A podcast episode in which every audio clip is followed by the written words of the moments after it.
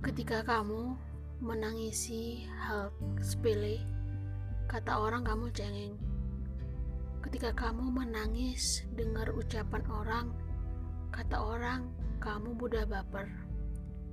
Ketika kamu menangis karena dibentak orang, kata orang kamu rapuh. Gak apa-apa, menangislah. Diam-diam di kamarmu. Banyak orang ingin kamu terlihat kuat, nggak mudah nangis, nggak labil, nggak gampang baper. Tapi kamu juga manusia, kamu nggak akan pernah cukup untuk mereka. Biarlah rasa sakitmu hanya kamu yang tahu. Karena sekalipun orang lain yang tahu, mereka nggak akan semengerti dirimu sendiri. Kamu satu-satunya yang harus mengerti dirimu sendiri.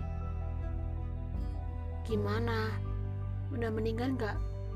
Nggak apa-apa, nangis aja. Pasti lega setelahnya. Setelah ini, tata hati lagi, tata niat lagi. Ingat, waktumu terbatas.